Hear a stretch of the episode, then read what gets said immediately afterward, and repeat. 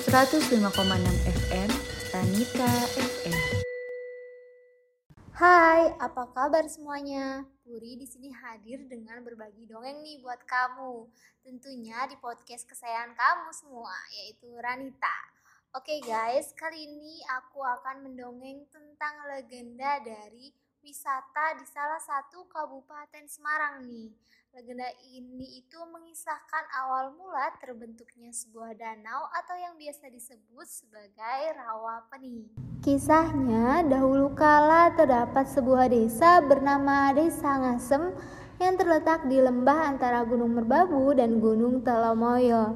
Nah, di Desa Ngasem ini bermukim sepasang suami istri bernama Ki Hajar dan Nyai Salakanta. Pasangan suami istri ini dikenal pemurah dan suka menolong. Karena itu, mereka sangat dihormati oleh masyarakat sekitar. Namun, hidup mereka belum lengkap karena belum memiliki seorang anak. Meskipun belum memiliki anak, Ki Hajar dan istrinya tidak pernah terdengar bertengkar. Mereka selalu menyelesaikan masalah dengan bermusyawarah. Hingga pada suatu hari, Nyai Salakanta duduk termenung seorang diri di depan rumahnya. Ki Hajar yang melihat hal itu lalu menghampiri dan duduk di samping sang istri. Kepada Ki Hajar, Nyai Salakanta menyampaikan keinginannya untuk memiliki anak. Dia sampai meneteskan air mata saat berbicara dengan sang suami. Ki Hajar kemudian meminta izin kepada istrinya untuk bertapa. Dia berharap dengan dirinya bertapa, keinginan Nyai Salakanta untuk memiliki anak bisa terwujud. Keesokan harinya berangkatlah Ki Hajar ke lereng Gunung Telemoyo untuk bertapa. Selama Ki Hajar bertapa, Nyai Salakanta dengan sabar menunggu kepulangannya. Hari demi hari, minggu demi minggu, bulan demi bulan, namun sang suami tak kunjung datang. Hati Nyai Salakanta pun khawatir dengan keadaan suaminya. Suatu hari, Nyai Salakanta merasa mual lalu muntah-muntah. Ia berpikir bahwa dirinya sedang hamil dan ternyata dugaannya benar dan semakin hari perutnya semakin membesar. Setelah tiba melahirkan, betapa terkejutnya Nyai Salakana karena anak yang dilahirkannya bukanlah seorang manusia, melainkan seekor naga. Anak itu dinamainya Baru Klinting yang diambil dari nama tombak milik suaminya. Kata baru berasal dari kata Brah yang artinya keturunan Brahmana yaitu seorang resi yang kedudukannya lebih tinggi dari pendeta. Sementara kata klinting berarti lonceng. Meskipun berwujud naga, baru klinting dapat berbicara seperti manusia pada umumnya. Nyai Salakanta pun terheran-heran melihat keajaiban itu. Nyai Salakanta juga malu dengan warga karena melahirkan seekor naga Nyai Salakanta berencana membawa Baru Klinting ke Bukit Tugur agar jauh dari warga. Tapi sebelum itu ia harus merawat Baru Klinting hingga besar agar dapat menempuh perjalanan menuju ke lereng Gunung Telomoyo yang jaraknya cukup jauh.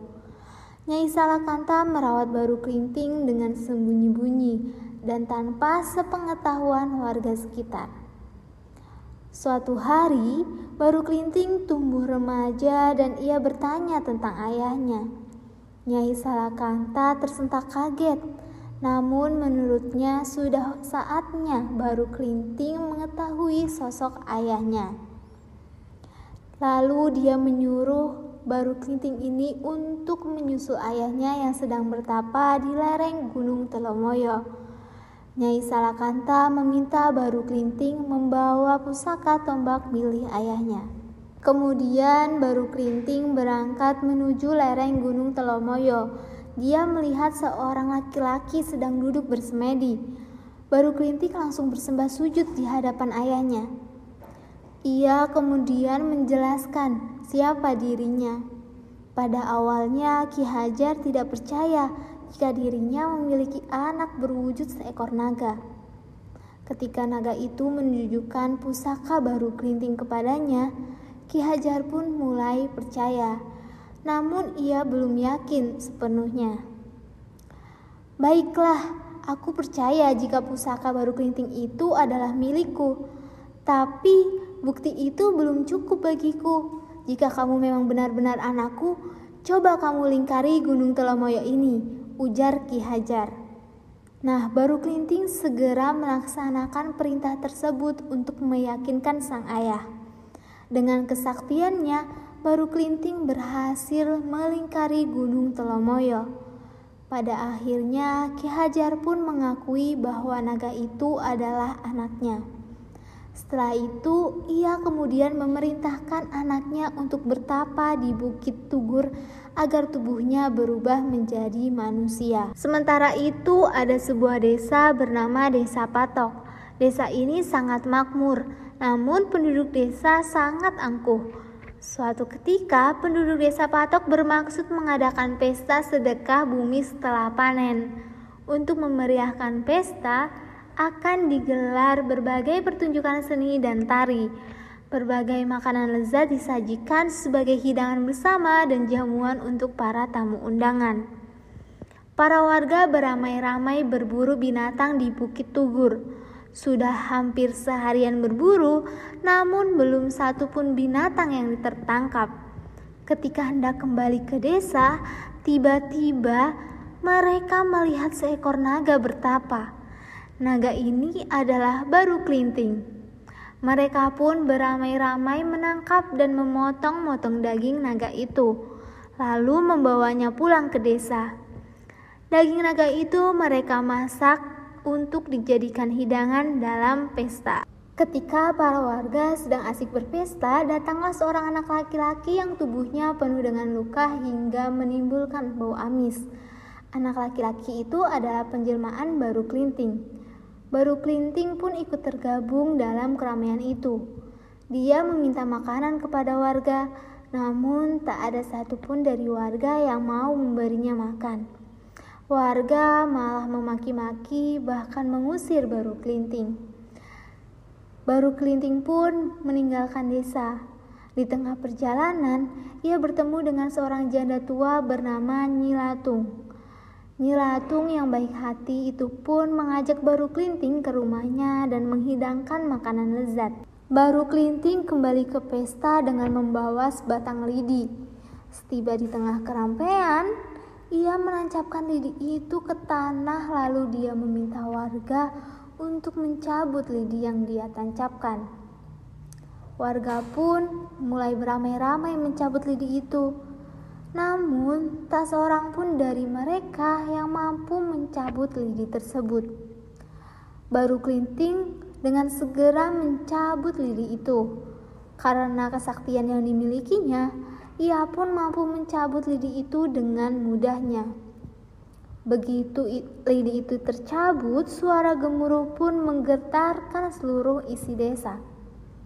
Air pun menyembur keluar dari bekas tancapan lidi itu Semakin lama, semburan air semakin besar, sehingga terjadilah banjir yang cukup besar. Semua penduduk langsung menyelamatkan diri, namun usaha yang mereka lakukan sudah terlambat karena mereka semua tenggelam. Desa itu pun berubah menjadi rawa atau danau yang kini dikenal dengan rawa pening. Baru Klinting lalu kembali menjadi naga untuk menjaga rawa pening. Nah, seperti itu legenda dari rawa pening. Pesan moral yang bisa kita petik dari legenda tadi adalah kita sebagai manusia jangan memiliki sifat yang sombong, angkuh, dan tidak menghargai orang lain. Kita juga sebagai manusia harus saling membantu dan tolong-menolong tanpa memandang latar belakang atau status orang-orang yang kita tolong. Oke okay guys, makasih udah dengerin dongeng aku kali ini. Jangan bosen-bosen dengerin dongeng di podcast Ranita. Nah, buat kalian yang ada rekomendasi dongeng, bisa banget kirim dongeng kalian ke DM di @ranitafm. Sampai jumpa di podcast selanjutnya.